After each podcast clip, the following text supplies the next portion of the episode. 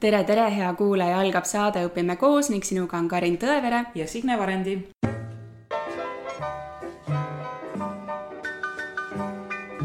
tänase saate külalist on lausa lust ja rõõm tutvustada, sest ta on kogemustega koolijuht, käima lükanud suisa kaks riigigümnaasiumit, välja andnud raamatu ja nüüd ma tahan kohe lugeda ette tema kolleegi kirjutise, et mida ta arvab oma juhist ta on kindlasti kõige innovatiivsemate ja huvitavamate ideedega haridusinimene, keda ma näinud olen. minu suur inspiratsioon õpetajates on ta loonud sellise imetluse, et ma ei suuda seda kirjeldada. enamus õpilasi armastab teda samuti. tema aktused on naljakad ja põnevad. ta on julge ja ei kohku kunagi hirmsate lapsevanemate eest. Oskad sa arvata, Alo Sovi, kes sinu kohta niimoodi on kirjutanud? miks te õpetaja Leesiga olete rääkinud oi jumal küll. no hea küll, ma, ma olen rääkinud ka teistega, tegelikult äh, eile oli meil kohtumine äh, Ülle Matsiniga tervitab sind ja ütleb täpselt samad sõnad, meeskonnamängija, innovatiivne, kõige parem kolleeg üldse. No siis on väga hea, kui ma olen suutnud sellise mulje jätta, tere kõigile tere, tere. no Alo, tegelikult tahaks nüüd teada, et äh, kus on sinu juured, kus sa ise õppinud oled ja milline on olnud siis sinu tööelu, et kus sa kõik töötanud täpselt oled, et äh, kus see kõik alguse on saanud? väga hea. alustades päris alguses, siis mina olen käinud kõikides nendes koolides, mis on järjepanu kinni pandud ehk nii nagu see haridusreform on käinud, et mina olen ees ja siis haridusreform on läinud järele. et sündinud ja kasvanud olen Võrus, Võru linna külje all. Seal on väike alevik Kose, mida Eestis on vist kusagil kuus või seitse tükki, üks on siis, üks on siis ka Võrus. ning ma käisin kõigepealt Võru äh, teises põhikoolis ehk siis hilisema nimega Võrusoo põhikoolis ja umbes kolm aastat pärast seda, kui ma selle kooli siis üheksanda klassi lõpetasin, siis see pandi kinni, sellepärast et lapsi jäi ikka lihtsalt Võrus sedavõrd väheseks.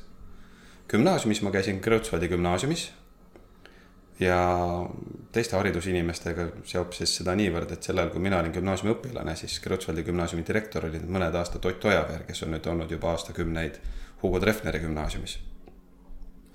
ja sealt edasi siis loogiliselt Tartu Ülikool mina teadsin juba kaheksandas klassis, et mina tahan õpetajaks saada. et äh, kui kaheksandas klassis eesti keele õpetaja käskis käed tõsta, et kes plaanib hakata õpetajaks, siis mina ja minu pinginaaber tõstsime käed. noh, tema vedas alt. Aga mina siis läksingi Tartu Ülikooli õpetajaks õppima. et äh, ajalugu ja no erial oligi ajalugu, kõigepealt ikkagi neli aastat ajalugu, toona oligi bakalaureus nelja-aastane, see on siis see, mis on tänapäeval võrdsustatud magistrikraadiga ja pärast seda siis veel aasta õpetajakoolitust diplomiõppena. nii et Tartu Ülikoolist on mul siis ajaloo bakalaureus nelja-aastane ja lisaks siis üks aasta veel diplomit ka juurde. ning äh, pärast seda siis otsisin ma muidugi hoolega tööd. Et eks neid ei-ütlemisi oli ka üsna mitu tükki. aga toonane Põlva Ühisgümnaasium, kool, mis on praeguseks hetkeks kinni pandud.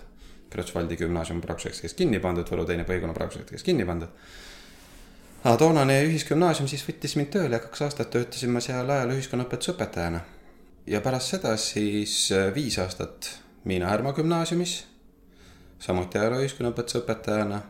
Aga Miina Härma gümnaasiumis siis viimastel aastatel ma hakkasin ikkagi riburada pidi juba juurde korjama igasuguseid muid ülesandeid, et lõpuks oli seal tunniplaani tegemine ja juhtkonna koosolekud ja nii edasi ning pärast neid viite aastat, kui ma ei eksi, kui ma ei eksi, oli siis aasta kaks tuhat üksteist. kaks tuhat üksteist, kui Tartusse loodi Jaan Puska gümnaasium, see oli ka uus kool. et see oli siis Tartus koolireform, kui osad koolid läksid põhikoolideks ja osad siis tekkisid juurde uued puhtad gümnaasiumid, oli seal Kristjan Jaak Petersoni gümnaasium ja Poska gümnaasium. ja Poska gümnaasiumi direktoriks sai Helmer Jõgi ja siis siis äh, sinna ma kandideerisin õppealajuhatajaks ja siis ma sain sinna õppealajuhatajaks, nii et esimesed poolteist aastat. et jah, päris koolidirektorina olen ma tegelenud kahe kooliga, aga noh, kui õppealajuhatajad lugeda ka koolijuhtide hulka, mida mõnikord tehakse, siis tegelikult isegi juba kolmas. nii et Jaan Puska gümnaasiumi esimesed poolteist aastat olin ka seal. aga siis hakati looma riigigümnaasiumeid. et esimene maakonnakeskne riigigümnaasium oli Viljandis kaks tuhat kaksteist ja kaks tuhat kolmteist siis tulid kaks tükki, olid Läänemaa ja Jõgeva. Nii et Jõgevale ma kandideerisin, esimeses voorus mitte, aga teises voorus, esimeses voorus nad ei leidnudki sobivat kandidaati. ja teises voorus siis ma osutusin valituks ja teine voor oli niimoodi poole aasta pealt niimoodi, et et Jaan Poska gümnaasiumist ma tõesti läksin ära kahjuks noh, detsembri lõpus, et siis jaanuarist alustada Jõgemaa gümnaasiumi rajamisega. ja on kaks väga kiiret kooli rajamist olnud, praeguseks on need muidugi juba üle löödud, sest et, et Hendrik Aguril Kohtla-Järvel ja, ja Urmo Reitevil Paides oli veel vähem aega, et kooli alustada, aga tollel hetkel oli see poole aastaga. Jõgevale ma sain tööle kolmteist jaanuar, esimene tööpäev ja esimesel septembril pidid õpilased majas õppima. koos pidid olema olemas õpetajad, õpilased, õpikud ja kogu see süsteem toimima ka. nii et, et õnneks olid mul väga head, head kaasteelised ja kaastöötajad. Ning noh, sellega me saime hakkama ja Jõgemaa gümnaasium on siiamaani, ma arvan, et, et, et väga suurepärane näidis ja noh, võiks öelda, et, et pärl selliste maakonna gümnaasiumite seas. ja kaks tuhat kuusteist siis uuesti sama asi Põlvas. Põlvas oli veelgi kuu aega vähem aega, sinna ma sain tööle veebruarist. ja samuti esimesel septembril tuli siis alustada ja seal alustasime asenduspindadel, pool aastat olime siis teises Põlva linna otsas tühjas koolimajas. Kuni siis oma koolimaja valmis ja siis jaanuaris siis, kaks tuhat seitseteist jaanuaris siis juba uues ligi nullenergia koolimajas. Millest see sules väga arugi ei saa, et ligi nullenergia on, aga hästi palju on puitu ja hästi avar maja on, muidu on äge. Noh, niimoodi pikk lugu. Et järjest kool on suletud ja kool on avatud, et. no aga Tartu murdis nagu selle sünergia, Miina Härma on alles ja Jaan Poska on ka veel õnneks alles, nii et. ei noh, seda kindlasti, jah et sa, Alo, ise oled tuline riigigümnaasiumite pooldaja, on nii? jaa, on küll. miks see nii on? Ehm, sellel on mitmeid erinevaid põhjuseid. tegelikult ilmselt vähemalt neli, ma ei tea, ma alustan kusagilt otsast peale. esiteks ma arvan, et, et see, miks on riigigümnaasiumid head, et selle kohta on lausa hea praktiline näidis. ma usun, et, et tegelikult Eestis ei ole niivõrd hästi kokku töötavat kogukonda, kui on riigigümnaasiumite kogukond. sest riigigümnaasiumite noh, mitte ainult direktorid, aga ka direktorid, me tegelikult saame neli-viis korda aastas kokku, istume maha, arutame asju ja, ja me jõuame tihti ka ühisele nõule, sest nii nagu ministeerium küsib koolijuhtide arvamust nagu Eesti Koolijuhtide Ühenduselt, siis, siis meie anname ka ikkagi oma arvamuse. ja, ja see ikkagi mõjutab ju Eesti hariduselu. see on võimalus kaasa rääkida ja ikkagi üsna suure massiga üle terve Eesti. sest me tuleme ju nii Ida-Virumaalt, Võrumaalt, Hiiumaalt, Pärnu, noh, kõik on kaetud ja Järvamaa sinna keskele ja noh, Tallinnas veel ei ole, aga Viimsi on siis praegusel hetkel seal kõige lähem. et see on üks asi. teine asi on ka praktiline koostöö meil on olemas ka näiteks selline asi nagu kerg. Noh, riigigümnaasiumeid on praeguseks hetkeks juba üsna palju, et kõigiga kogu aeg täielikku koostööd ei jõua teha. aga kerg on õpilaste enda välja mõeldis, on Kagu-Eesti riigigümnaasiumid. see on siis Võru, Valga, Põlva, äh, Tartu Tamme ja Jõgevamaa gümnaasium. ning me vahetame õpetajaid, noh, käime siis kogemuskohtumisel üksteise koolides. Äh, meil toimivad täiesti ka toetavate noh, tugistru-, kooli tugistruktuuride, nagu on siis näiteks õpilasnõustajad, regulaarsed kohtumised koolidel, noh, sekretärid, juhiabid, need, kes tegelevad selle dokumendi poole kõige muuga, regulaarsed kohtumised. et arutada, kuidas on parem, jagada parimaid praktikaid. suvel augustis on tulemas Kagu-Eesti riigigümnaasiumite õpilaste suvepäevad.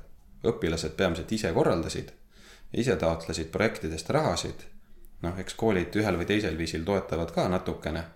ja põhimõtteliselt on Tartumaal kolm päeva ja kõik on tegevusi ja, ja, ja asju täis ja see on, astudes siis Põlvas riigigümnaasiumisse, siis sa ei saa mitte ainult seda Põlva ühte kooli, nagu see hästi tavaline on, vaid tegelikult sa saad endale sõbrad ja tutvused üle terve Eesti.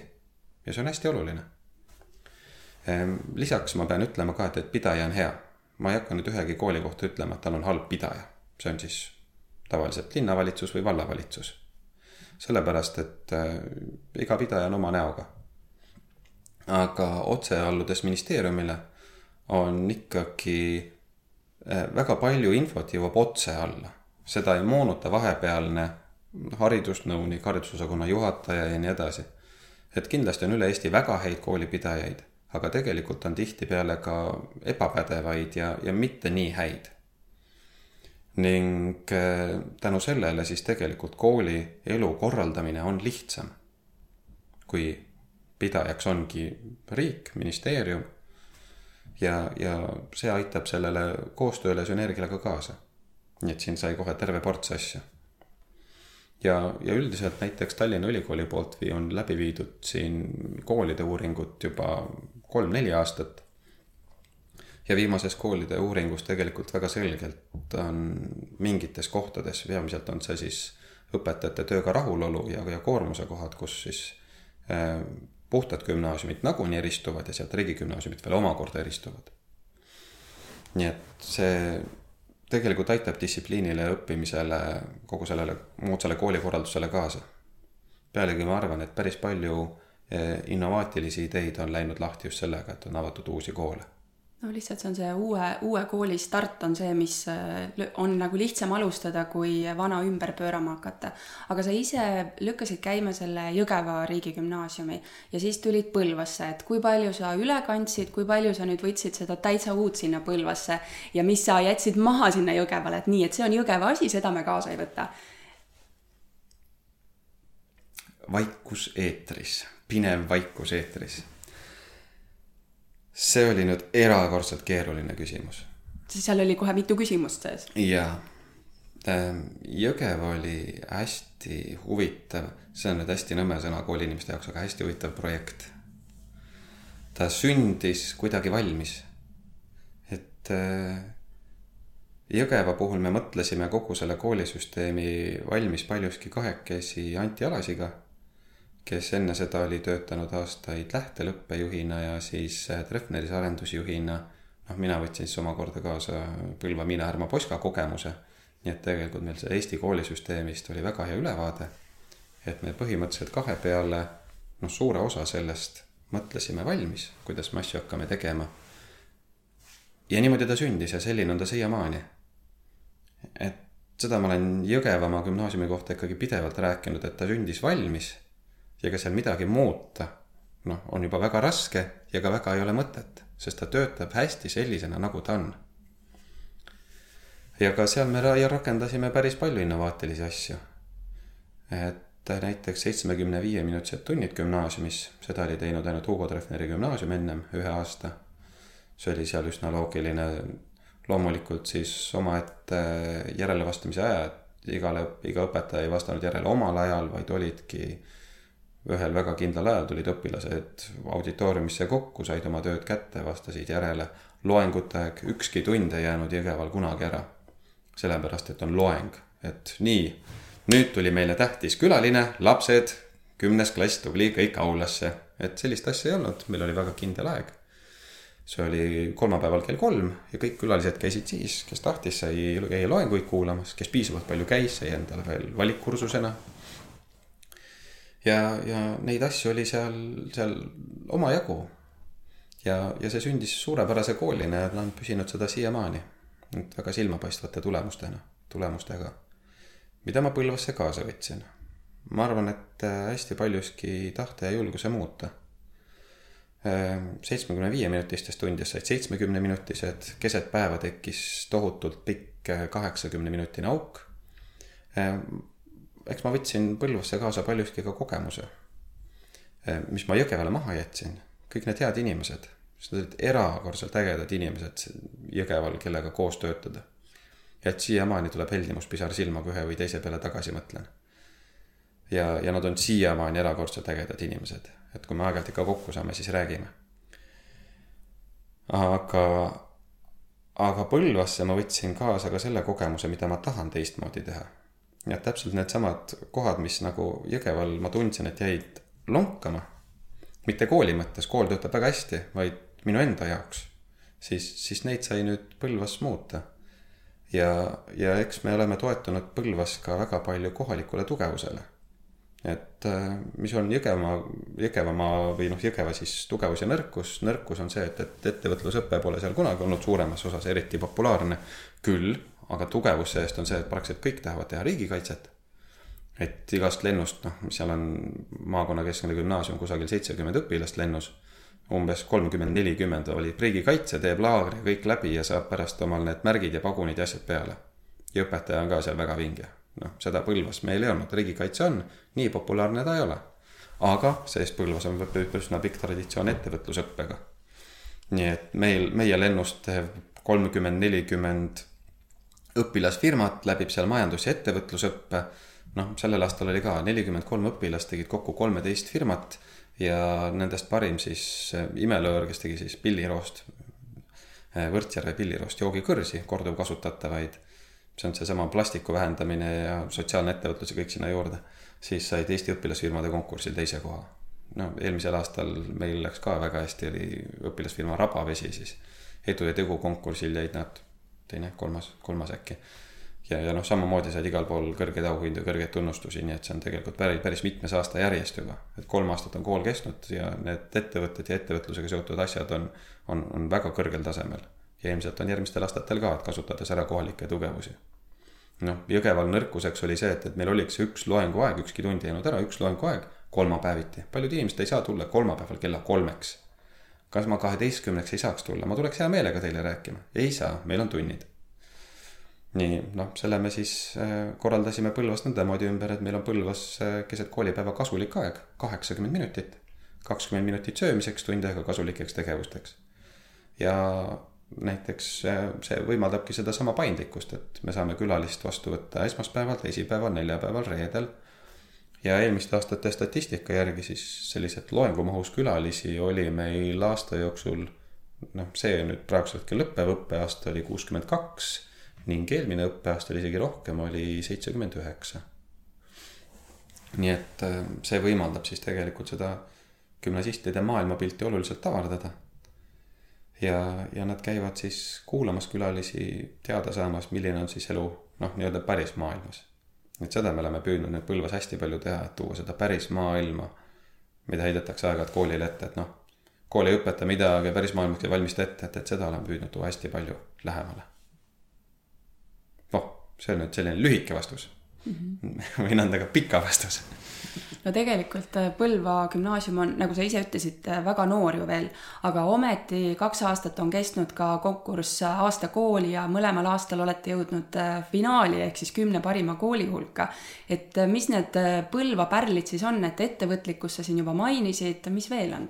see ei ole mitte mingi ime, et üks gümnaasium jõuab Eesti aastakoolivõistlusel parimate hulka sellel aastal neid gümnaasiume oli omajagu, sellel aastal oli ka võistlus oluliselt populaarsem kui eelmisel aastal, eelmisel aastal oli seal vähem koole osalemas ja selle võrra oli ka kümnesekka jõudmine lihtsam. sel aastal oli rohkem koole, aga päris paljud gümnaasiumid jõudsid kümne sekka. ainuüksi sellepärast, et gümnaasiumitel on olemas vanemad õpilased, kes oskavad paremini tehnikat käsitseda kui siis näiteks põhikoolidel või lasteaed algkoolidel, kus noorematel õpilastel seda teha on ilmselgelt raskem sest paljuski on tegemist ka ikkagi õpilasi kaasava projektiga. pluss, mida uuem on gümnaasium, reeglina tähendab see ka seda, et on seda tehnilist varustatud omajagu ja lihtsam on ka näiteks leida sobiv kaamera ja sobiv teksti videotöötlusprogramm, millega siis pärast see kõik ägedaks kokku lõigata. et äh, see on esiteks, et see ei ole, et noh, gümnaasiumitel praegusel hetkel mingis, mingis mõttes uutel gümnaasiumitel on kerge eelis, seda esiteks teiseks äh, pärliks on kindlasti entusiastlikud õpilased. Need, kes tahavad teha, et me oleme pühendanud ka hästi palju aega ja ressurssi õpilase esinduse ja, ja üldse õpilaste ettevõtlikkuse ja, ja õpilaste isetegemise toetamisse. nii et äh, nende jaoks kokku panna üks video on täiesti loomulik elu osa, sest nad teevad neid nagunii erinevateks üritusteks, nad korraldavad ise üritusi, nad teevad erinevateks üritusteks. õpilased kirjutavad ise projekte, taotlevad ise rahasid, nad oskavad. Äh, kui on tarvis teha üks äh, video koos selgitusega aasta koolile, siis tegelikult nad kasutavad neid oskusi, mida nad on õppinud juba igasugusteks muudeks asjadeks. nii et selles mõttes see ei ole nende jaoks väga keeruline ma arvan, et see, see ongi see põhiline, see õpilaste enda tegevuse toetamine. aga kuidas te seda teete, et siin põhikoolis me kogu aeg räägime, et kuidas saada õpilased ettevõtlikeks ja seda ettevõtlikkust kooli rohkem tuua. jah, üks asi ongi, meil on väiksemad lapsed lihtsalt, et me peame rohkem toetama. aga hea oli kuulda, et te gümnaasiumis ka näete vaeva selleks, et see ei tule niisama, on ju et mis on sul mingeid häid näiteid, et mida me näiteks saaksime ka põhikooli üle tuua? ei ole, mitte ühtegi sellepärast, et heade näidete puhuks oleks tarvis esiteks teaduslikku analüüsi, mis eeldab ka mingisuguse kontrollgrupi olemasolu või vähemalt mingisugust tegevusuuringut. seda ei ole mm. -hmm. nii, ja teiseks äh, väga paljud asjad saab vaadata tagantjärele. et nii nagu me hindame nagu poliitikuid edukateks või ebaedukateks viiskümmend aastat pärast nende surma. et äh, siis me saame öelda, kas oli hästi või halvasti et äh, samamoodi on selle kooliga, et ma võin öelda, mida me teeme ja mis mulle tundub, et on hea, aga kas see päriselt hea on ja kas see päriselt töötab, mitte mingit tõestust selle kohta ei ole, nii et need kõik on, väited on täiesti tühjad. aga me teeme väga mitmeid erinevaid asju. alustades sellest, et õpilasesindus, seal on tõepoolest korralik põhikiri, korralikud valimised Nad käivad koos igal nädalal, neil on väga kindlad asjad, mida nad teevad, neil on erinevad töögrupid, osa töötab kooli dokumentidega, hoiab neil silma peal ja kaitseb siis õpilaste õigusi. teine osa siis äh, korraldab üritusi ja vähemalt seni on meil ka õpilasesinduste presidentidega väga hästi läinud, ehk nad on suutnud ka oma need noored seal tööle panna. Neil on olemas oma väga korralik ruum koos väga korraliku tehnilise varustatusega nii et nad saavad seal koos käia, oma asju arutada ja, ja neil on omad need väga kindlad tähtsündmused, millega nad tõepoolest tegelevad, üks nendest on näiteks äh, veebruarikuus toimuv äh, Põlva gümnaasiumi õpilasesinduse presidendi vastuvõtt ja sellele järgnev pall.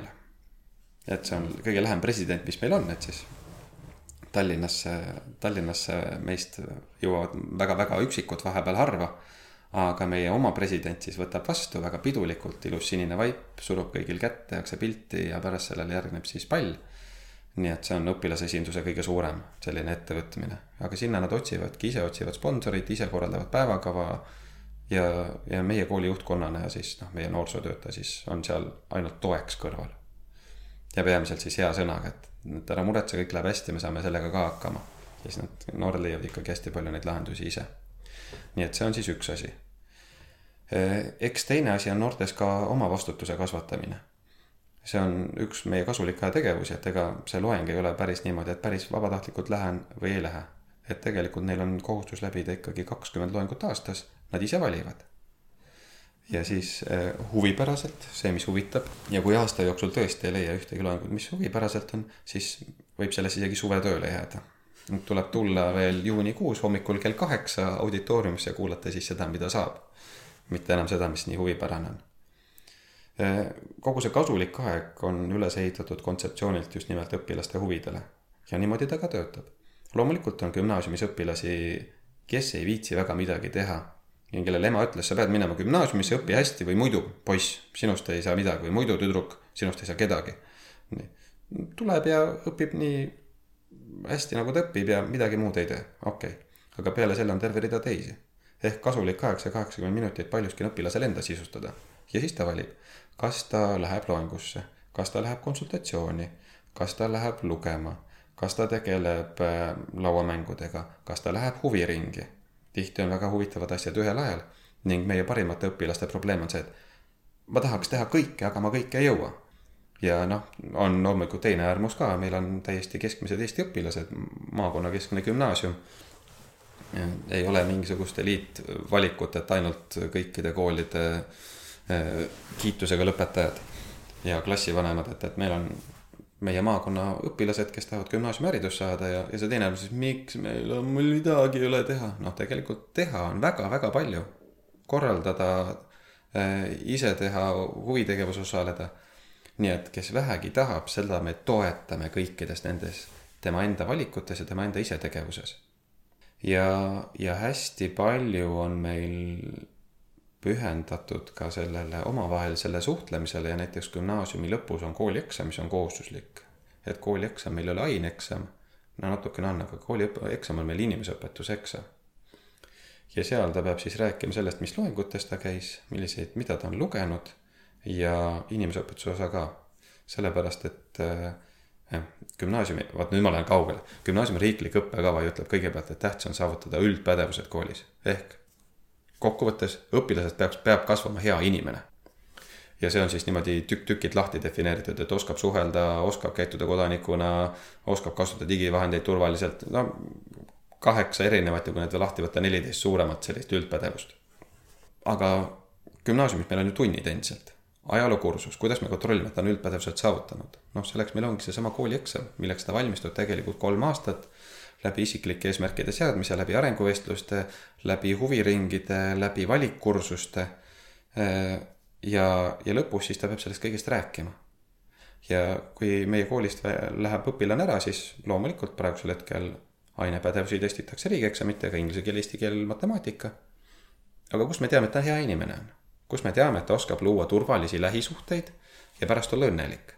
noh, selleks ongi see inimeseõpetuse osa sealjuures et me tahame, et meie, meie lõpetajast saaks ka siis hea inimene, kes oskab elada, teab, mida ta elult tahab ja julgeb ja, ja, ja soovib olla õnnelik.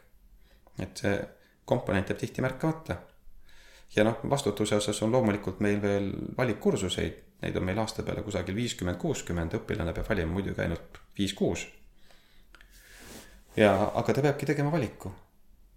nii et tal on valida, me ei ole kirjutanud ette mingisuguseid Äh, suundasid ja mooduleid ja, ja, ja me ei ole läinud väga sügavuti oma õppekavaga, sest saab minna sügavale, saab minna laiuti, me oleme läinud laiuti, et õpilane katsetaks. et jällegi, kool on nii liiga noor, et teha statistikat, aga ma tean varasemast ajast, et, et tegelikult Eestis on päris suur probleem ka see, et, et astutakse siis õppima mingisugust eriala, olgu see siis üli- või kutsekoolis ning väga kõrge on siis esimesel kursuse jooksul või siis pärast esimest kursust õpingud pooleli jätnud või siis eriala vahetanud õpilaste protsent. et üks meie eesmärk on ka gümnaasiumi jooksul juba see, seda järgmise astme haridustaseme pooleli jätmist või siis seda eriala muutmist vältida, et õpilased oma aega ei raiskaks. ja et nad saaksidki katsetada, et nad saaksidki kogemusi. Ja üks väike asi veel seesama töövarjupäev, mis on Eestis üsna populaarne, meie gümnaasiumis on ta kohustuslik, me päris samal päeval ei tee kui kõik teised, sest et siis on päris palju häid töökohti hõivatud. et see on meil reeglina kevadel, et kõik kümnenda või üheteistkümnenda klassi õpilased lähevad ikkagi kuhugi töövarjuks. kes midagi ei leia, see siis, äh, sellele leiame. ja kui üldse midagi ei leia ja ei taha ka minna, no neid meie kahesajast on ka kusagil kakskümmend, kakskümmend viis. siis on, ma tahan kooli tulla, siis tulevad kooli ja tegelikult selleks päevaks me oleme organiseerinud neile, vanasti oli äh, Rajaleid ja praegusel hetkel on Töötukassa see, kus tegeletakse karjääri äh, arendamisega. nii et Töötukassa tuleb, teeb neile töötubasid, loenguid, nii et nende karjääripäev on siis teistsugune, nad ei käi kellegi töökohas, sest ma ei taha minna kuhugi vaatamas või kellelgi tudengi varjuks. vaid nad tulevad kooli, harjutavad CV kirjutamist, eh, harjutavad tööle kandideerimist, intervjuusid ja, ja kuulavad, kuidas siis kuidas siis selles, selles valdkonnas need asjad käivad. nii et noh, see on jällegi, iga detail on mingisuguse mõttega tehtud ja selleks, et kasvatada noores iseseisvust, ettevõtlikkust, ise hakkama saamist noh, see, mis sa kirjeldasid seal õpilasesindusega, minul kohe lõi pilt ette sellest ajast, kui ma olin Tartu Ülikooli üliõpilasesinduses, et minu meelest üks-ühele sama asja, et, et juba gümnaasiumis saab anda nii palju vastutust noortele, et see on suurepärane. aga siit mul tekkis ka kohe küsimus nende suundade kohta, et me oleme siin rääkinud sellest ettevõtlikkusest põhiliselt. et missugused õppesuunad äh, Põlvas on õpilastele? no kolm aastat tagasi me alustasime mingisuguse, mingisuguste fiktiivsete suundadega, et ütlesime, et jah, meil on. tegelikult sellest ei tulnud algusest peale juba midagi välja okay.. meil on suur ports valikkursuseid ja õpilane ise valib. ja niimoodi ei kujunegi tal väga kindlat suunda et eh, selle aasta lõpetajatele me veel märkisime peale, sest ise need jagasime natukene, et eh, reaal, sotsiaal, humanitaar, kultuur, sport esialgu, päris kohe alguses, kui me alustasime. Ja need, kes praegusel hetkel lõpetasid, alustasidki meie juures kümnendast klassist õppimist, esimene lend on nüüd siis läbinud selle kolm aastat. et nendele tõesti sai märgitud, et noh, kui nad tegid ikkagi kuus reaalsuuna valikkursust, mis nad ise valisid, siis neil reaalsuuna lõpetas aga tegelikult meil seda enam ei ole ja tegelikult õpilased, kes käivad siis meil sisseastumisvestlusel, ütlevad, et see neile imponeerib. et äh, see, et neil ei ole piiranguid, see, et ühel hetkel nad tunduvad, et kirjandus päriselt ei ole see eriala mm -hmm. või see valdkond, mida nad tahaksid teha. et äkki hakkas meeldima hoopis keemia, et siis nad saavad hästi kergelt seda vahetada mm. -hmm. ja, ja seetõttu nad, nad siis äh, täiesti ise sügisel panevad kokku üheks aastaks selle valikkursuste kava järgmisel sügisel järgmiseks aastaks. ja seda mingil määral on aasta sees võimalik veel muuta ja, ja vahetada ka. lisaks on meil kevadeti valikkursuste nädal, mis on siis juuni kõige, noh, kooliaasta, õppeaasta siis õppimise aja kõige viimane ja tegelikult juunis on ta esimene nädal enne, vahetult enne vaheaega. Kui siis kõik kümnenda, üheteistkümnenda klassi õpilased ja kaheteistkümnendatest need, kes soovivad või tahavad või vajavad, valivad ühe kursuse. esmaspäeval kaheksa hakkab pihta, reedeks on hinne väljas, terve nädal ühte asja ja siis saab pakkuda hästi palju praktilisi kursusi ja seda me teeme ka koostöös teiste koolidega, see on jällegi koostöökoht. et äh, sellel aastal on, oli see koos Valga, Läänemaa, Hiiumaa, äh, Noarootsi, Jõgevamaa. No see, ma peast isegi kõiki, kuus või seitse kooli. et meie õpilasi oli võimalik siis minna ka teistesse koolidesse, teistest koolidest ligi kakskümmend õpilast tuli siis meie kooli selleks üheks nädalaks ja tegid siis neid kursusi, mis meie juures on. nii et see valiku, valikkursuste nädala palett on veel eriti lai, et see on põhimõtteliselt on võimalik ühe, ühe nädala kursuste hulgast juba võib valida kuuekümne erineva hulgast. noh, meil endal oli viisteist. Ja siis igaüks valis ja siis nad tegid kas pallimänge rannas, filosoofiat, eh, samuti ettevõtluse kursus oli seal sees, et eh, tootearendus, selline tore asi oli. nii et täiesti erinevaid seinast seina asju no,. mis küsimus oli? just äh, suundade kohta, et millised suunad on, et ei olegi aga ei ma ole. kohe mõtlengi, et kui, kes meil põhikoolist siis lendu lähevad, üheksas klass, et ja nüüd kümnendasse tulevad ja ei olegi selliseid suundi, et need suunad justkui ka nagu aitaksid seda valikut natukene lihtsustada või noh, et ahah, ma olen, no mul on need humanitaarained head, no ma lähen sinna suunda, aga et kui nüüd üldse ei ole, et siis kas noored äh, tulevad toime selle valiku tegemisega, et mis kursusi ja kohe ära planeerida kõik või on teil keegi, kes nagu toetab neid, on sellised klassijuhatajad, mentorid et kes selliseid valikuid aitavad neil teha? Ehm, kindlasti on, see töötab jällegi mitmel viisil, et tavapäraseid klassijuhatajaid eh, vähemalt praegusel hetkel meie koolis pole üldse. Mhm. -huh. meil klassid on, klasside eesotsas on klassivanemad, kellel on õigus siis klassi eest rääkida, kes siis vahendavad infot klassile ja klassilt aga meil on äh, selline süsteem, mille nimi on mentorsüsteem ja mentorsüsteem sellepärast, et paremat nime me ei leidnud, sellepärast et mentori enda mõiste on sedavõrd lai ja, ja tihti ka väga spetsiifiline ja see kindlasti ei tähenda sellist mentorit selle klassikalises mõttes. vaid pigem siis ta kannab ikkagi päris palju neid klassijuhataja ülesandeid. igal õpetajal on mingisugune hulk õpilasi, kes käivad tema juures vähemalt kord nädalas koos. ja see õpetaja siis jälgib seda, et nende õppeedukusega oleks kõik korras, äh, viib nendega läbi arenguvestlused räägib niisama, toetab niisama, esindab neid õppenõukogus, kui vaja on. ja, ja aitab ka muidu sellele, nende igapäeva koolielule kaasa. aga mentorgrupp on moodustatud nõndaviisi, et, et tegelikult seal on õpilasi kümnendast, üheteistkümnendast, kaheteistkümnendast klassist. mõni on väiksem, mõni on suurem. ja noh, see suurus sõltub paljugi ka õpetaja enda koormusest, et see õpetaja, kellel on hästi palju tunde, et tal paljude laste jaoks on siis vähe aega, siis tema grupp on väike need õpetajad, kellel on vähem tunde, siis nendel on aega rohkemate jaoks, et kõige suurem grupp on meil seitsmeteistkümnene. kõige väiksem oli vist viiene, kuuene, viiene, noh, see ei olegi nii tähtis, viis kuni seitseteist õpilast. ja see tähendab ka iseenesest seda, et, et kui see mentorgrupp juba kokku saab ja rääkima hakkab, siis vanemad juba ütlevad noorematele õpilastele, et tead, et see on päris hea mhm. kursus, mida valida, see teine nii hea ei ole. et, et vastavalt huvidele ja nii edasi et loomulikult esimesel aastal kümnendike hulgas on üsna palju segadust, mida valida, kuidas valida. aga alati nad saavad tulla ümber rääkima, alati nad saavad tuge oma mentorilt, siis meil noorsootöötajalt, kelle ametlik nimetus meil koolis on koolielu korraldaja, sest ta tegeleb tõesti kogu koolielu korraldamisega. õppejuhilt alati saab tulla, pöörduda, alati saab oma murele mingisuguse lahenduse. seda esiteks ja, ja teiseks tegelikult nende valikutega seoses, et äh, jaa, ma arvan, et, et see, et, et suunad üldse on ühes koolis olemas. sellel on kaks mõtet, üks asi on tõesti, et on võimalik mingisugust vald-, valdkonda õpetada mingisugustele õpilastele sügavuti. see siis tähendabki seda, et äh, õpilane õpibki viie kursuse füüsika asemel kümme.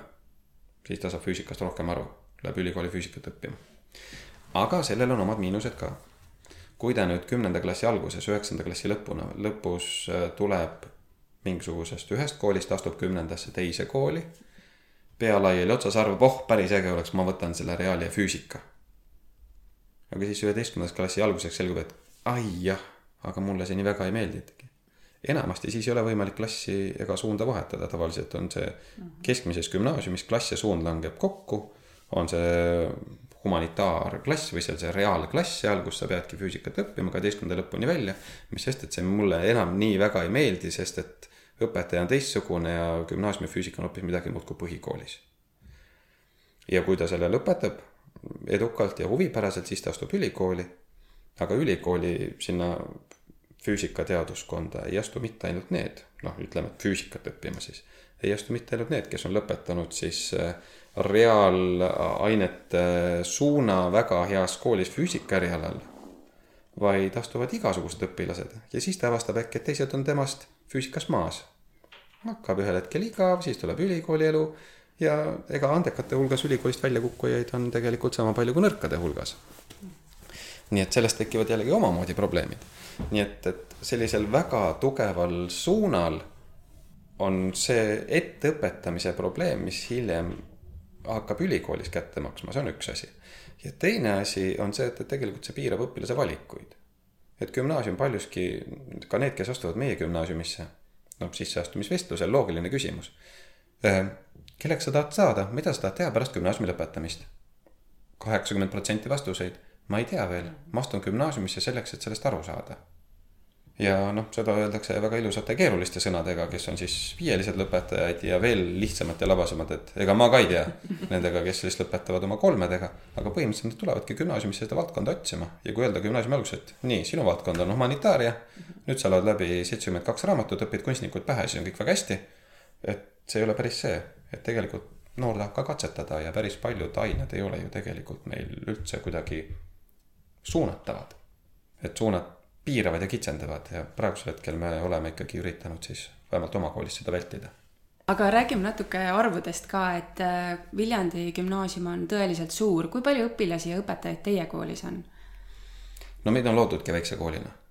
Ja väike on muidugi jutumärkides, selles mõttes, et me oleme maakonna suuruselt siis kui kõiki absoluutset õpilaste arvu võtta, siis kolmas kool gümnaasiumi osas kõige suurem kool, kõige rohkem gümnasiste Viljandi on loodud suurusele viissada nelikümmend õpilast ja seal see number on ka käes ei mahu koolimajja ära.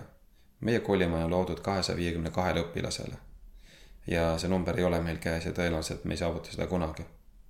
aga sellel aastal näiteks praegusel hetkel vastu on võetud ja dokumendid on ära toonud üheksakümmend õpilast. kui igal aastal toob üheksakümmend õpilast, siis see teeb juba kakssada seitsekümmend siis me vastame mudelile. aga aastad ei ole vennad ega õed, et eelmise aasta lend näiteks oli ainult kuuekümnene. et hästi palju sõltub äh, paljuski, hästi palju sõltub ka sellest, et äh, kui suured on lennud ja millise kvaliteediga on siis põhikooli lõpetav lend. et kas neist on gümnaasiumiõpilasi või ei ole. praegusel hetkel siis meie koolis õpib äh, koos vastuvõetutega kakssada kakskümmend üheksa õpilast, nendest üheksa siis on täiskasvanud ja augustis siis võtame täiskasvanuid ka veel ühe lennu juurde. nii et meil on ka täiskasvanuõpe. ja üks aasta see on olnud, kümnes klass on, nemad lähevad nüüd üheteistkümnendasse, noh, suur osa nendest ja siis uus kümnes tuleb ja siis niimoodi me kasvame täiskasvanutega ka sinna juurde. ja, ja tegelikult ma usun, et me jääme sinna veel aastakümneks vähemalt kuhugi sinna kahesaja ja kahesaja viiekümne vahele koos kõikide oma õpilastega ja see on üsna, üsna normaalne, üsna optimaalne. et sellest üle kasvada, lihtsalt maakonnas ei ole õpilaste ressurssi nii palju. ehk siis lihtsalt ei ole õpilasi nii palju. ja, ja allapoole selle me ikkagi püüame kõigest hingest ja teeme igapäevaselt head tööd, nii et me loodame jätkuvalt olla ikkagi maakonna peamine tõmbegümnaasium. õpilaste arv õpp-, äh, Põlva, Põlvamaal siis on üsna stabiilne järgmised kümme aastat.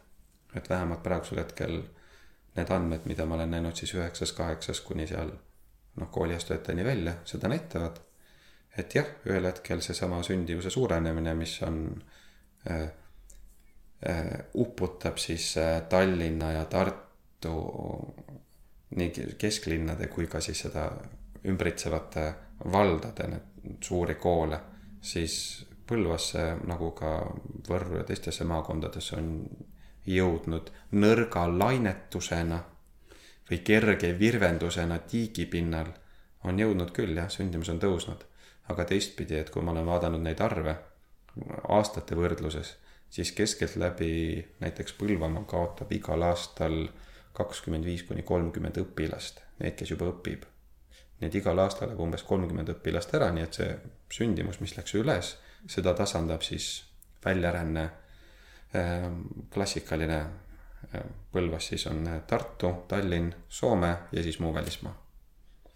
nii et umbes sellises, sellises järjekorras no kui välismaalt siin äh, juttu on, praegu tuli, siis äh, kas äh, õpilased, kes, sa ütlesid, et teil suundi ei ole, et valikained, et lihtsam on neid vahetusi teha. kas selline asi on ka võimalik teie koolis, et kui õpilane näiteks tuleb välismaalt, näiteks üheteistkümnendasse või soovib suisa kaheteistkümnendasse klassi tulla, on see võimalik? meil on olnud igasuguseid ägedaid näiteid selle kolme aastaga. et tegelikult meil on olnud õpilane, kes õppis kuni kaheksanda klassini Soomes siis ta kolis Eestisse, lõpetas üheksanda klassi ühes põhikoolis ja siis kümnes kuni kaheteistkümnes klass oli meie juures. nii et ta rääkis soome aktsendiga kuni lõpuni välja. aga jah, kuna ta põhikooli lõpetas siin, siis saime ta gümnaasiumisse vastu võtta ja tema teine keel ei olnud mitte vene keel, nii nagu see tavaliselt on meil meie kandis, vaid siis õppiski soome keelt, õigemini paljuski kordas soome keelt ja siis, siis lõpetas niimoodi Äh, tubli kaks nädalat õppisid meie juures ka pagulased Ira-, äh, Süüriast. aga siis nad kolisid Tartusse ja praegusel hetkel Saksamaale ja siis vist on, ma ei teagi, kuhu nad edasi kadusid, see oli see klassikaline äh, pagulaste alainetuse lugu, mis korraks üle käis ja, ja, ja läks. Ja nemad selle kahe, kahe-kolme nädala jooksul ei õppinud sõnagi keelt selgeks, kuigi me juba valmistusime neile eesti keele tundide andmiseks nagu eraldi siis on meil sellel aastal lõpetas üks väga huvitav neiu, kellel oli gümnaasiumi lõpetamata, küll oli aga ta lõpetanud Elleri muusikakooli ja teinud ära ka näiteks gümnaasiumi lõpueksamid. Nii et ta tegi meie juures kusagil kümme erinevat kursust ja, ja koolieksami sinna juurde ja, ja, ja kokku tema lõputunnistusele vist sai kantud kas sada kakskümmend või sada kolmkümmend. noh, ka varasemate õpingutega arvestades neid, neid kursusi nii et ta lõpetas, lõpetas gümnaasiumi, gümnaasiumi edukalt ja, ja, ja päris hästi. Vahetusõpilasi on meil ka terve rida, et, et need, kes meie enda juurest lähevad, et igal aastal on kaks-kolm tükki olnud, nad tulevad tagasi, nad jätavad tõesti ühe klassi vahele. jätkavad siis aste allpool. et just eile rääkisin ühe neiuga, kes naases siis aastast Ameerikas, ütles, et ei suuda oodata, kuna ta sinna tagasi saab, et talle väga meeldis. aga nüüd järgmist aastast ta on siis koolis ja lõpetab gümnaasiumi ära siis uuesti Ameerikasse ah,. nii et äh, me oleme hästi paindlikud, hästi, vajadusel rakendame individuaalset õppekava, kui on tarvis, siis õpilane võib läbida ühte aastat kahe aastaga. et kõigeks selleks me oleme valmis ja meil on nii häid kui halbu kogemusi.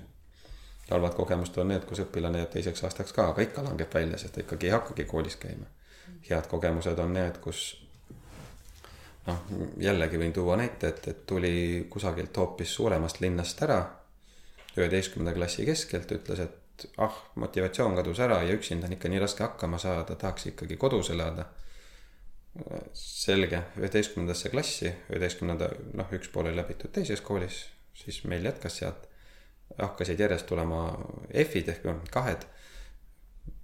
tegime perekonnale ettepaneku, et, et välja arvata ei ole mõtet, et las ta läbib üheteistkümnenda klassi uuesti, et ilmselgelt ta on seal katki jäänud. läbis uuesti, sel aastal lõpetas kaheteistkümnenda nii et sellised individuaalsed võimalused ühel või teisel viisil vastu tulla, rakendada, toetada, et need on meil kõik olemas.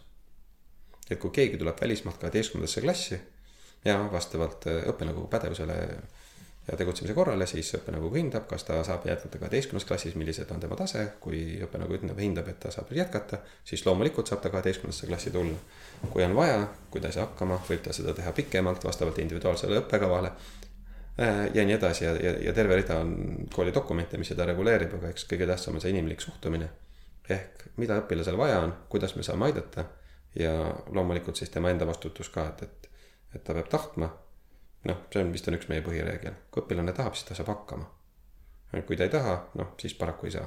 gümnaasiumis on ka see, et on äh, uurimustööd.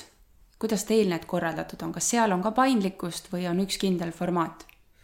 Äh, uurimis- ja praktilised tööd on meil korraldatud täiesti erinevalt, see vist on kooli kõige paksem dokument.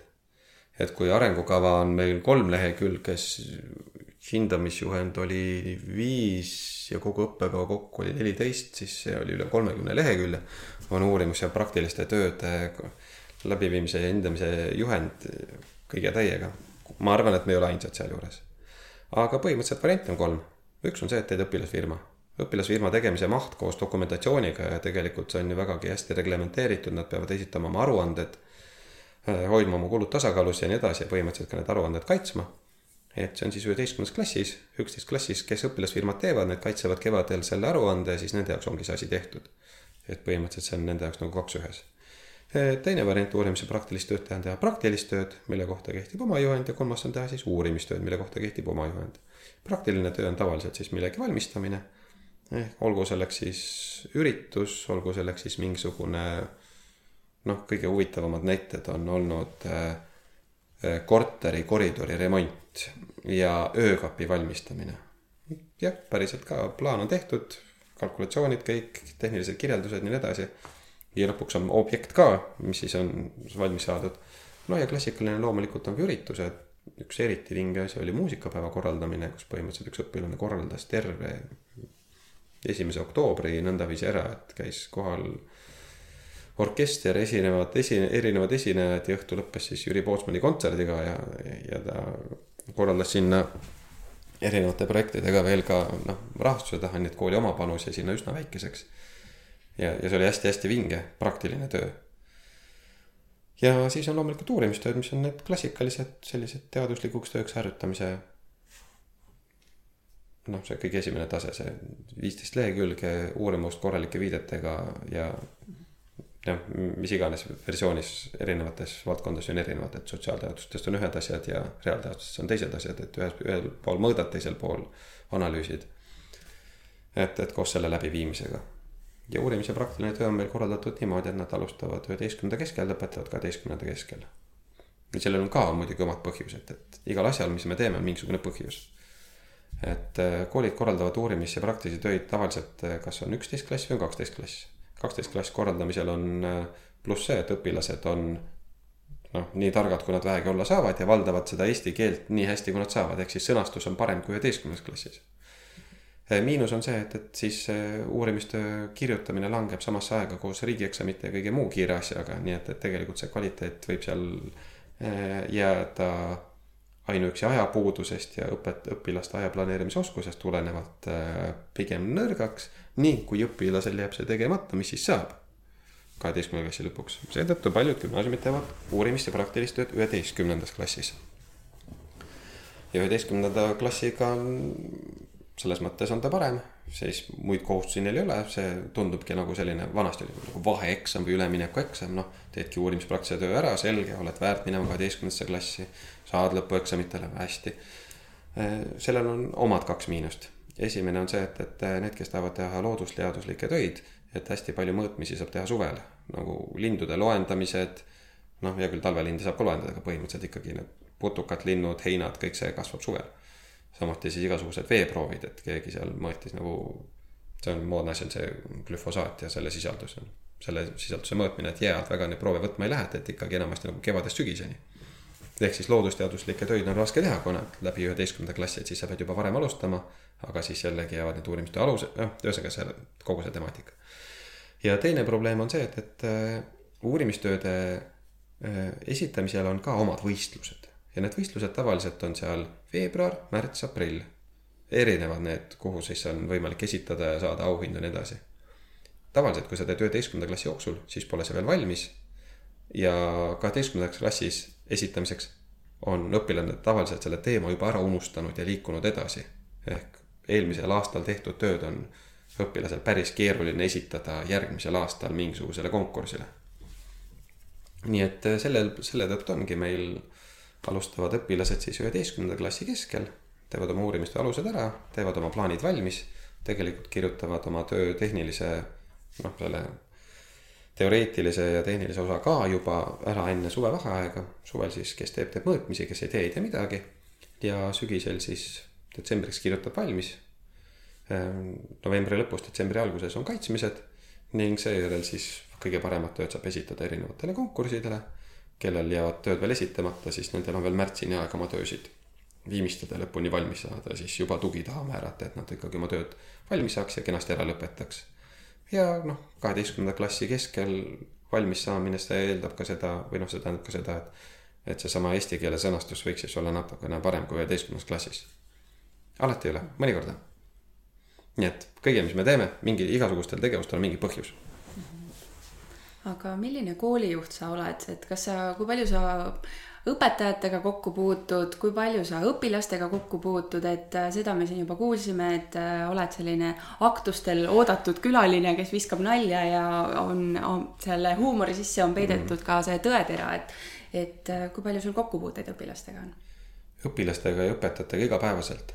ma ikkagi suhtlen nendega igapäevaselt, ma olen igapäevaselt reeglina koolimajas olemas ja ja kui nüüd päris kristalselt aus olla, siis minu jaoks on õpetajatega suhtlemine natukene tähtsam kui õpilastega. et jah, mul on endal ka mentorgrupp ja nad ei ole kõige halvemad mentor, ma saan olla, ma olen kõige halvem mentor, kes üldse olla saab. sest tõesti, nende jaoks on mul kuidagi eriti vähe aega. ja nad peavad hästi palju ise hakkama saama. ja, ja seda ma olen neile korduvalt väljendanud ja öelnud ka, et, kui, kui kahju mul neist on aga millegipärast on nad minuga püsinud, ma olen öelnud küll, et, et kui te tahate, siis te võite alati rääkida ja valida kellegi teise, et kes teiega rohkem tegeleb. et õpetajatega ma tegelen paraku rohkem, et õpetajatele meil on igal nädalal on tunniajane koosolek ja, ja ma olen neile paaril korral öelnud ka, et, et teate, minu mentorgrupp oletegi teie. sest minu ja paljude teiste ülesanne on, on tagada see, et, et, et õpetajal oleks kõik võimalused teha head tööd. võtta ära need lisakoormad, mis vähegi võimalik on võtta ja jätta siis võimalikult palju vabadust ja innustust siis teha igapäevast tööd. õnnelik õpetaja reeglina tähendab õnnelikke õpilasi. Äh, morn ja kuri õpetaja tähendab reeglina morne ja kurja õpilasi, sest see paratamatult kandub üle. ja ma täitsa usun ka sellesse, et, et morn ja kuri direktor tähendab ka seda, et on mornid ja kurjad õpetajad ja see tähendab seda, et on ka mornid ja kurjad õpilased ja, ja seda ma ei taha. nii et õpetajatega ma suhtlen hästi palju ma ise arvan, et ma olen hästi inimlik. õpilastega ma suhtlen vähem ja see suhtlus tavaliselt väga, väga selliste sügavate teemadeni ei ulatu, välja arvatud siis, kui seda tõesti väga vaja on ma tegelikult tahtsingi jõuda selleni, et ma tean, et sa muretsed tegelikult nii õpilaste kui õpetajate pärast, et ma ei tea, mis on praegu sinu top prioriteetne see mure, aga ma mhm. tean, et sinu sellises kuplis siin on see, et õpetajate töökoormust tuleks vähendada ja sinu teine suur mure, mida ma kuulsin, on, on see matemaatika, mis tekitab stressi tegelikult juba põhikoolis õpilastele, gümnaasiumis selgelt, eks ju, et, et sa tahaksid midagi teha, et, et kas need on need kõige suuremad prioriteetsemad valdkonnad või sa näed veel murekohti? et räägiks nendest muredest ka no,. väga äge, Eesti hariduses või Põlva gümnaasiumis lase tulla. see, selles mõttes sul on endal ka lapsed, nad käivad ilmselt põhikoolis, ma kujutan ette, et, et noh, lasku kasvõi rohujuure tasandile, hakka lasteaiast tulema, kuulaks neid muresid. ja lahendusi ka. just, just. lasteaiaga on väga raske kaasa rääkida. et äh, lapsevanemana olen ma äh, teises rollis kui koolijuhina. ja, ja enamasti ma olen see, kes äh, kodus ütleb, et rahu õpetajad teavad, mida nad teevad. ärme meie segame sinna vahele. ehk siis teades nagu teist poolt, siis teades käituma kodus ka selle võrra, selle võrra teistmoodi. et äh, lasteaia osas on väga raske kaasa rääkida, kuna lasteaias ma tõesti töötanud ei ole ja, ja tegelikult hästi erinev noh, ma arvan, et igas valdkonnas on see, et, et mis ta temaga teab, ta ei ole ju siin töötanud igaüks tahab muudkui kaasa rääkida ja haridusega on ka samamoodi, et kuna kõik me oleme koolis käinud, siis me oskame alati kõiges kaasa rääkida. see on sama hea, et kui, eh, kuna kõik me oleme siin pastat söönud, siis me oskame seda imehästi ka valmistada. noh, tegelikult päriselt nii ei ole, et, et üks asi on nautida nagu neid gurmeeroogi ja teine asi on neid, neid valmistada. ja need on kaks täiesti erinevat maailma, et niimoodi on ka kooli ja lasteaiaga. aga need asjad, mis, mis on mulle südamelähedased ja mida, mida ma tahaksin muuta, et, et esiteks teadust äh, ma armastan ja matemaatikat ka.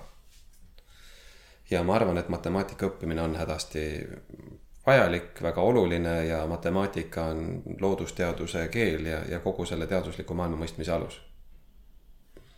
ma arvan, et piitsaga ei pea kedagi õpetama ma arvan, et praegusel hetkel matemaatika lõpueksam põhikoolis ja matemaatika riigieksam gümnaasiumis on piits. et äh, ta on piits õpetajatele, ta on piits õpilastele ja see teeb mind erakordselt kurvaks. paljuski, hm, kui seda matemaatikaeksamit ei ole, kuidas ma nad siis üldse õppima panen? Äh, ajaloos ei ole eksamit. Äh, ei ole keemias eksamit, ei ole füüsikas eksamit, õpilased ikka õpivad. Need, kes on andekad ja need, keda see huvitab, lähevad edasi seda ülikooli õppima Need, kes nii andekad ei ole või keda see valdkond ei huvita, need ei lähe seda nagunii õppima. matemaatikaga on samamoodi. on terve rida õpilasi, kellele pakubki naudingut tegeleda nii numbrite kui tähtedega arvutamisega. ja nemad lähevad seda edasi õppima ka ja on terve rida õpilasi, kelle jaoks on väga raske. ja see, et tegemist on põhikooli lõpueksamiga või tegemist on riigieksamiga, muudab seda nende jaoks veel raskemaks. sest pahatihti Äh, õpetaja, ma jõuan veel õpetajani ka, õpetaja ütleb, kui sa ei õpi, siis sa seda eksamit ära ei tee ja kui sa seda eksamit ära ei tee, siis sa ei lõpeta, kui sa ei lõpeta, siis ei saa sinust kunagi korralikku inimest. mida paganat, saab küll. ma tean väga paljusid korralikke inimesi. mõned minu parimad sõbrad on korralikud inimesed, kes said põhikooli matemaatikaeksami vaevu kolme, jätkasid kutsekoolis ja nüüd on edukamad ja ägedamad kui mina. kellele ma vaatan tõeliselt alt ülesse nii et see matemaatikaeksam ei defineeri mitte kuidagi inimeseks olemist, kuigi pahatihti seda niimoodi kasutatakse. ka õpetajad on surve all, mõõdad seda, tähendab, saad seda, mida sa mõõdad. kui sa mõõdad seal matemaatika lõpueksamit, siis kogu matemaatika õp õppimine ei ole mitte õpilaste huvipärane tegevus. Oh, sellele klassile tegelikult tundub, et pöörd, pöördkehad meeldivad. Läheks nagu nendega hästi kaugele, sest ei saa, kiirem, kiirem, kiirem. matemaatika Äh, riigieksamist tuleb läbida ära see, see, see, see, see, kõik need valdkonnad. ja need tuleb hästi kiiresti läbi kapata selleks, et nad kõigest saaks mingisuguse ülevaate, et nad siis riigieksamile läheksid ja noh, tegelikult peaks seal olema ka õpetajal vali, vabadust, mida õpetada ja kuidas õpetada. seda vabadust ei ole. Ma olen töötanud tõesti noh, kuues koolis, viies niimoodi põhjalikult. ja tavaline on see, et, et iga kevad kõige õnnetumad inimesed, kes maja peal on, on need, kes peavad tegema eksamit ja need, kes peavad selleks eksamiks neid õpilasi juhendama, ehk needsamad õpetajad. sest ka nendele on pandud asjatu pinge, mille jaoks? Äh, ma mäletan, et ma sõitsin autos kunagi, kui see matemaatikaeksam viidi kitsaks ja laiaks või matemaatikaõpetus ja riigieksam muudeti kohustuslikuks. ja parajasti oligi seal ERR-i uudistes intervjuu siis selle töögrupi juhiga, kes ütles, et meie tahame, et äh, suureneks vastuvõtt ja õpilaste huvi matemaatika suhtes ja vastuvõtt siis reaalteaduste aladele ülikoolidesse. no kas see eesmärk on saavutatud? Et ma tõesti vabandan, mul statistikat ei ole, ma arvan, et ei ole. et IT-d minnakse õppima sellepärast, et IT eest makstakse raha, kõik teavad seda, et IT eest saab palju raha. meie õpilased ütlevad ka, me tahame minna IT-d õppima, miks IT-d? no seal sa pead palka. noh mitte neil oleks varasem kokkupuude. no okei okay,, see on ka üks matemaatika no, valdkondi. aga tegelikult see ei tööta. see, et õpilasi sunnitakse riigieksami pärast õppima matemaatikat, see ei suurenda mitte kuidagi vastuvõttu ülikooli. see ei too, too, kuidagi nende huvi. Huvi on neil siis, kui neil võimaldatakse õppida, lastakse õppida. mitte see, et neid sunnitakse. et kui õpetaja ühel hetkel morni näoga ütleb, et jah, sa pead selle ära õppima. ja õpi kohe ja kui sa kolm ei saa, siis on iga jama majas. noh, see juba ängistab, ma ei, ma ei taha üldse sellist ainet õppida. nalja teete, ma lähen ülikooli seda õppima, neli aastat, kolm aastat, viis aastat, mille jaoks? ma otsin endale mingisuguse, õpin hispaania keelt ja lähen Ameerikasse rändama. noh, et tegelikult see, see on üks suur miinus. teine asi, mis, mis mind häirib, on valikud põhikoolis et tegelikult ma armastan põhikooli, ma, ma tõesti armastan põhikooli. kuidagi elu on viinud mind lihtsalt gümnaasiumi juurde, ma olen viimased kaheksa aastat olnud gümnaasiumis, aga minu arvates kõige ägedam aeg on hoopis selline kuues, seitsmes, kaheksas, üheksas klass.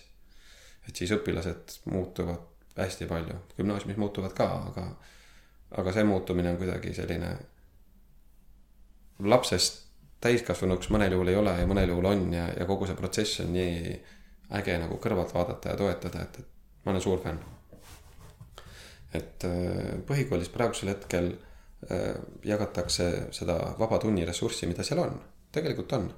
aga seda jagatakse siis äh, ilmselgelt kahel põhimõttel. Üks on siis põhiained ja teine on siis see, et, see, et mis õpetaja koolil olemas on. üsna tavaline on see, et, et loomulikult selleks, et põhikooli lõpueksamid hästi teha, siis saavad oma tunnikese kord seal võõrkeel ja eesti keel ja, ja matemaatika ja noh, milleks õpilasele valikuid pakkuda, tähtis on see, et ta ikkagi kooli ära lõpetaks. ja, ja teine siis on see, et, et ega õpetajate põud on meil tegelikult päriselt olemas. Et äh, kahju, et see avalikkuseni on jõudnud alles nüüd, et tegelikult oli raske leida õpetajaid juba kolm ja kuus aastat tagasi. tihti oli ühele ametikohale üks kandidaat, mõnikord ei olnud sedagi. et me ikkagi, meil on päris mitu konkurssi ka läbi kukkunud kuigi töökoht iseenesest on üsnagi atraktiivne õpetaja kohta või noh, nagu õpetaja selle koolivaldkonna kohta. Eh, aga kui põhikoolil on õpetaja, siis õpetajale tuleb koormust leida, kui tal on tarvis kakskümmend üks tundi täis saada või kakskümmend neli või kuidas, mis iganes seal põhikoolis on ette nähtud. aga kakskümmend kaks on, siis loomulikult anname põhikoolis need kaks tundi talle, siis on tal see koormus täis, on sellega rahu majas ja õpilaste valikud kui sellised või valikute pakkumine teisejärguline ehk siis tegelikult seesama valimine, see, et õpilasel on mingisugune vastutus oma noh, ka see aitab sellele vastutuse kasvatamisele kaasa, et õpilasel on ka mingi vastutus oma elu ees ja oma valikute ees. et see tuleb alles gümnaasiumis ja see tulebki neile nagu külm dušš. tegelikult saaks seda varem teha. et mingil määral noh, mingisugused valikud on lasteaias noh, natukene teist tüüpi. mingisugused on põhikoolis, aga põhikooli lõpus saaks päriselt ka õpilasele pakkuda neid asju, et ta valibki kas ühe või teise aine. Ja milline see aine on ja mis sellega kaasas käib, et ta natuke uurib selle kohta.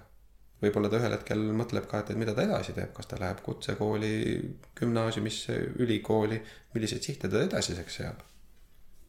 sest praegusel hetkel on see, et, et ühte, ühtemoodi tamp põhikooli lõpuni, siis vaatame ja, ja mis muidugi minul veel hinge peal on, on ikkagi kehaline kasvatus seda on vähe. meie töökohad, igapäevane elu on istuv. praegusel hetkel ma istun tugitoolis, nüüd ma seisan siit püsti, lähen istun autosse, sõidan mõni kvartal edasi, istun jälle maha. liikumist on vähe. eile jooksis, ma pealkirja jõudsin vaadata, aga sisusse ei jõudnud süveneda. Eesti lapsed on järjest enam ülekaalulised aga see uudis jookseb igal aastal. igal aastaga on Eesti lapsed järjest ülekaalulisemad. Mis selle vastu aitab? liikumine. liikumisharjumus. tegelikult peakski iga päev liikuma. selles mõttes ma ei mõista nagu neid lapsevanemaid, et minu laste põhikool teatas ka, et nad teevad nüüd õuetunni või õuevahetunni ja liikumis, liikumistunni sinna juurde. issand, kui tore üritus. no minu lapsed käivad juba niigi palju trennis, mis asja neil on aega selle peale raisata noh, tore, et teie lapsed võib-olla käivad, aga arvestage, et koolis on nelisada, kuussada ja kaheksasada last. Kõik ei käi ja mõnel on seda liikumist hädasti vaja. peale selle minu lapsed käivad ka trennis. et üks käib võimlemas ja ujumas ja jalgpallis, aga kas tal jookseb see liikumine mööda külge maa? ei jookse. vastupidi, las ta jookseb. Läheb ja jookseb väljas natuke aega. aju vajab töötamiseks liikumist see on ajuteadlaste nagu elementaarne tõde. kui inimene liigub läbi maastiku, siis pärast seda aju töötab tal paremini. ehk siis see igapäevane liikumine peakski olema meie elu osa. et seda võiks olla rohkem. muide, see on üks asi, mida me puhtalt gümnaasiumis kavatseme järgmisel aastal rohkem teha. et gümnaasiumis on kehalist kasvatust ette nähtud viis kursust meil on see kümnes, üheteistkümnes klass, et kaheteistkümnes siis liigub ise, kui tahab, et järgmisest aastast me tahaks tagasi tuua selle, et kaheteistkümnendal klassil on, pakume kooli poolt trenni. sel samal kasulikul ajal jääb valikkursustena ka veel juurde. Ehk kes vähegi tahab veel liikuda, et siis me pakume seda võimalust liikuda. nii et see kehaline kasvatus ja liikumine on ka mul ikkagi südame peal ma ikka, mul jäi see matemaatika hinge peale, et äh, selles mõttes, et äh, no jutt jumala õige, et, äh, et milleks seda piitsa siis vaja on, aga, aga mida siis vaja on, et, et seda muuta, et no me räägime siin, et põhikooli lõpus võib-olla lõpetame ära need mis need on siis kooli, koolieksamid, et noh, tegelikult sisuliselt nad ongi muutunud ju mõttetuks, sest need, kes põhikooli lõpetavad ja tahavad gümnaasiumisse pürgida, märts, veebruar on see aktiivne aeg ja noh, edasi on mm. selline noh niisugune kummi venitamine, ütleme niimoodi, et seda kuidagi võiks kasulikumalt äh, seda aega ju kulutada, on ju. et, äh, et mida on vaja? ma arvan, et kõige rohkem on vaja vähendada poliitilist vastutöötamist, see kõlas nüüd erakordselt halvasti. Üsna tavaline seaduseelnõu menetluse käik on selline, et tegelikult nii palju, kui mina olen näinud ja, ja kogenud, siis Haridus- ja Teadusministeeriumis töötavad reeglina väga asjalikud ja, ja toredad inimesed, kes on päris hästi kursis sellega, et mis toimub koolides, kogu statistikaga, kogu võrdluspildiga nagu Eesti võrreldes ülejäänud maailm, arenenud riigid, arenevad riigid ja kõik ja nii edasi. ning algatused, mis sealt eh, ühel või teisel viisil üles kerkivad, tavaliselt on head.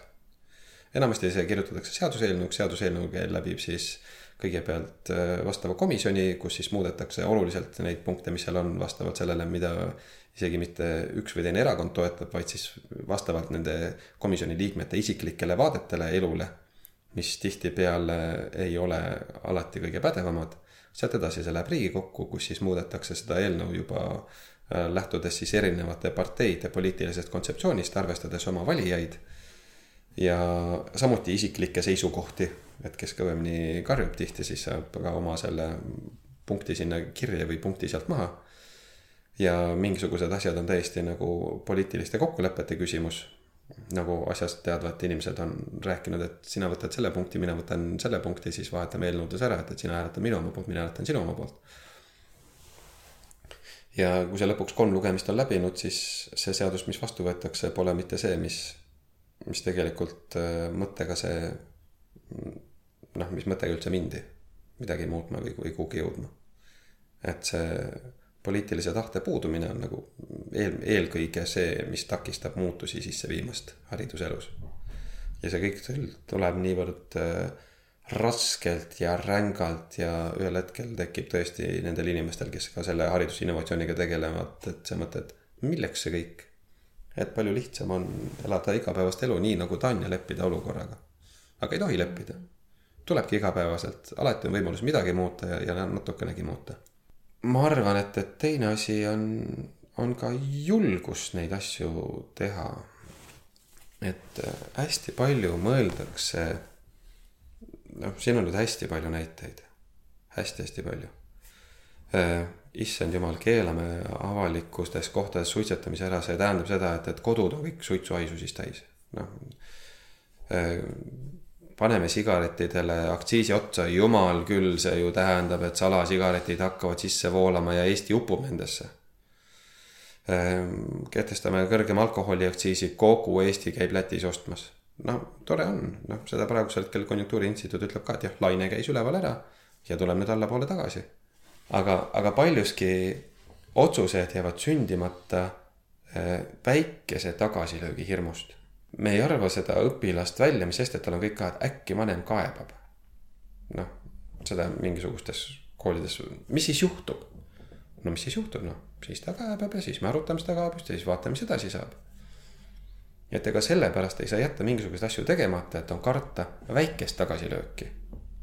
et loomulikult asju tuleb teha analüüsitult, läbimõeldud, heade põhjendustega ja eesmärgiga maailma paremaks muuta, sealhulgas iga õpilast, inimest, hariduselu.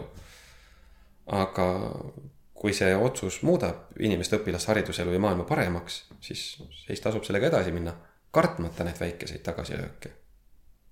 ega praegusel hetkel ka paljused, paljud muutused on ju tulnud pigem tagantjärele, mitte eestvedamisena.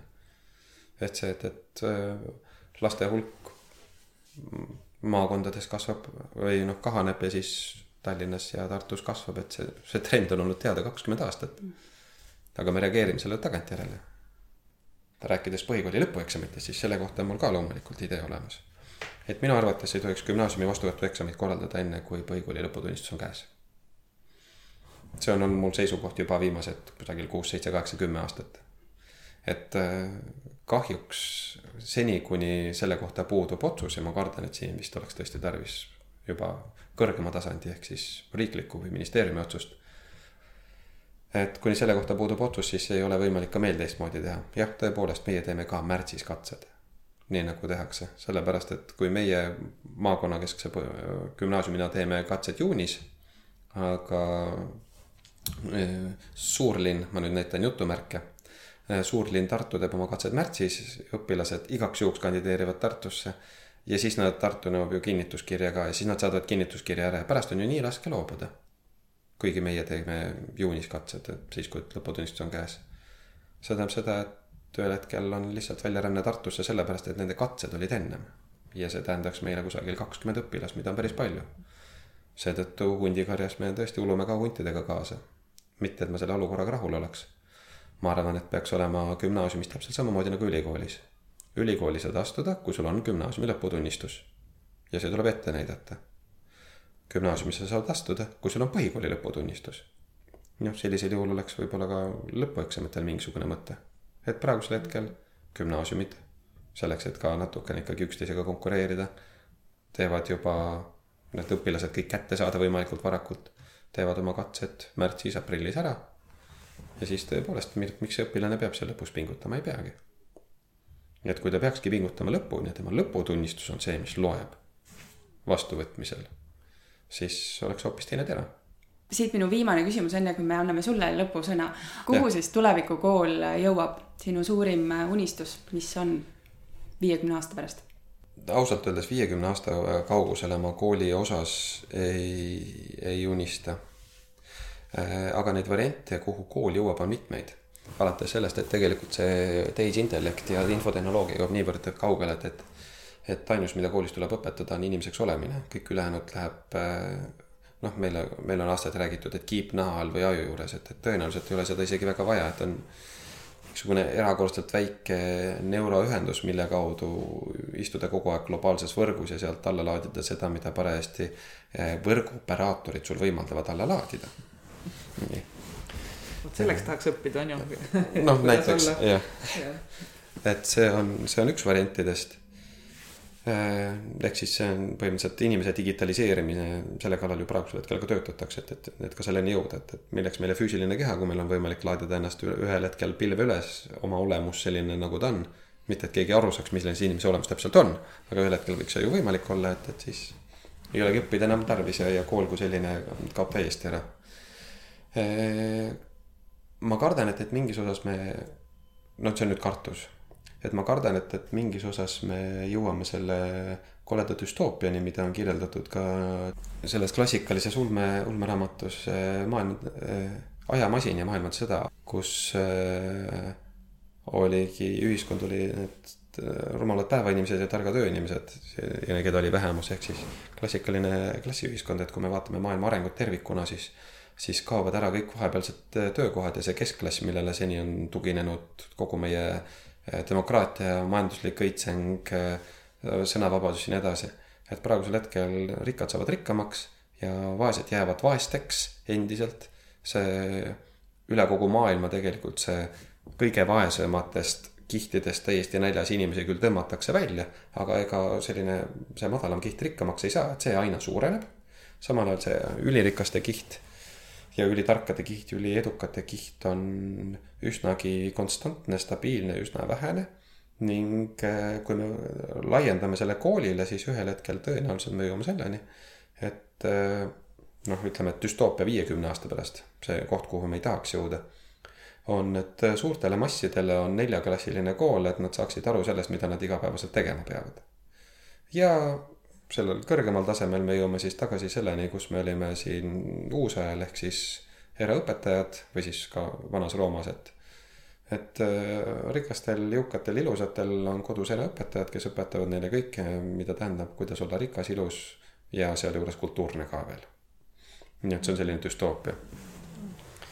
aga eks meie ja, ja kooli ja kogu ühiskonna selline suurem eesmärk ilmselt võiks ollagi see, et, et siis sedasama düstoopiat vältida. ehk kuidas vältida seda, et, et, et kõik noh, suurem osa inimestest siis elab pigem vaesuses, hästi lihtlabastel töödel ja, ja seda arenemisvõimalust seal nagu kuhugi ei olegi. vaid et kuidas säilitada selline rahvastikupüramiid ja, ja ma arvan, et haridusel seal rahvastikupüramiidi säilitamisel on väga oluline osa. ja eelkõige just selleks inimeseks olemisel et väga tähtis ei olegi see, et, et kuidas suuta hallata numbreid, selleks meil on juba praegusel hetkel masinad. aga kuidas saada aru siis ühe ja sama sõna nagu palk ja palk eesti keeles, aga võõrkeeltes on neid ka hästi paljud, et mida siis mingi tähendab sellest sügavast kontseptuaalsest olemusest ja sellest, kuidas osata igapäevaselt suhelda. et eks need, ma arvan, et on muutumas võtmeküsimusteks. Ehk me tulevikukoolis, ma arvan, et, et hästi palju peaksime keskenduma ja keskendume just nimelt suhtlemise oskamisele. seesama hästi ära leierdatud sõna meie praeguses ühiskonnas väärtustele. ehk mis on selle suhtlemise alus need kõige põhilisemad alused, mille põhjal me saame üldse suhelda ja, ja, ja omavahel rääkida. ning, äh, ning selle põhjalt siis hakkavad tekkima needsamad uued keskklassi töökohad. sest see on hästi paljuski suhtlemises, sest igapäevast tootmist meil, meile enam vaja kasvatada ei ole, liinitöölisi meil enam tarvis ei ole. selle jaoks on juba, issand, isegi McDonaldsis on robotid. Selveris on iseteeninduskassa rääkimata siis teistest nendest poekettidest. et meil on tarvis kasvatada kedagi, kes on sellest üle. Aga, aga kui ma peaksin ütlema mingi lõppsõna, siis ma arvan, et, et meie kogu meie igapäevase, igapäevase elu võti ongi inimestevahelises suhtlemises. sest nii palju, kui me tegeleme inimestega ja kool on inimestega tegelemine, tegelikult elu on inimestega tegelemine siis üheksakümmend üheksa protsenti sellest on suhtlemine ja, ja see üks protsent on see kõik muu, see füüsiline maailm sinna juurde. seda ma olen pannud tähele ka, ka, ka viimase aja jooksul Eesti ühiskonnas, ka koolis, sealhulgas ka oma koolis. et peamised mured, mis meil tekivad, on suhtlemisprobleemide tõttu. me oleme jätnud kas kellegagi suhtlemata, mõnikord me solvume liiga kergesti, mõnikord me suhtleme liiga palju virtuaalselt Facebooki suhtlemine on selles mõttes halb, et ei ole võimalik näha teise inimese emotsiooni. ehk kui me emotsiooni ei näe, siis me ei tea, mis me ei saa aru, mida ta selle lausega mõtles, siis me hakkame oletama. Aga me oletame seda vastavalt omaenda emotsioonile ja meeleolule. ja, ja see võib tegelikult kogu suhtluse ära rikkuda ja enamasti sellised päris päris tõsised kommunikatsiooniprobleemid tulenevadki sellest, et, et suheldakse virtuaalkeskkondades. sealhulgas kommentaariumites, mis on nüüd erakordselt vastikud ja mürgised paigad viimasel ajal. Ehm, ma soovin, et, et me saaksime igapäevaselt rohkem näost näkku suhelda, ma soovin, et me oskaksime suhelda, ma soovin, et, et kool pühendaks hästi palju sellele, et õpetada õpilasi suhtlema. aitäh! aitäh, Avo, Alo sulle selle paindliku, avatud ja ilusa suhtluse eest. soovime sulle ilusat suve mm. ja palju jõudu ja jaksu sulle, et, et meid ootaks ikkagi helge tulevik ja futuroloogia ei oleks nii tume. jah, aitäh.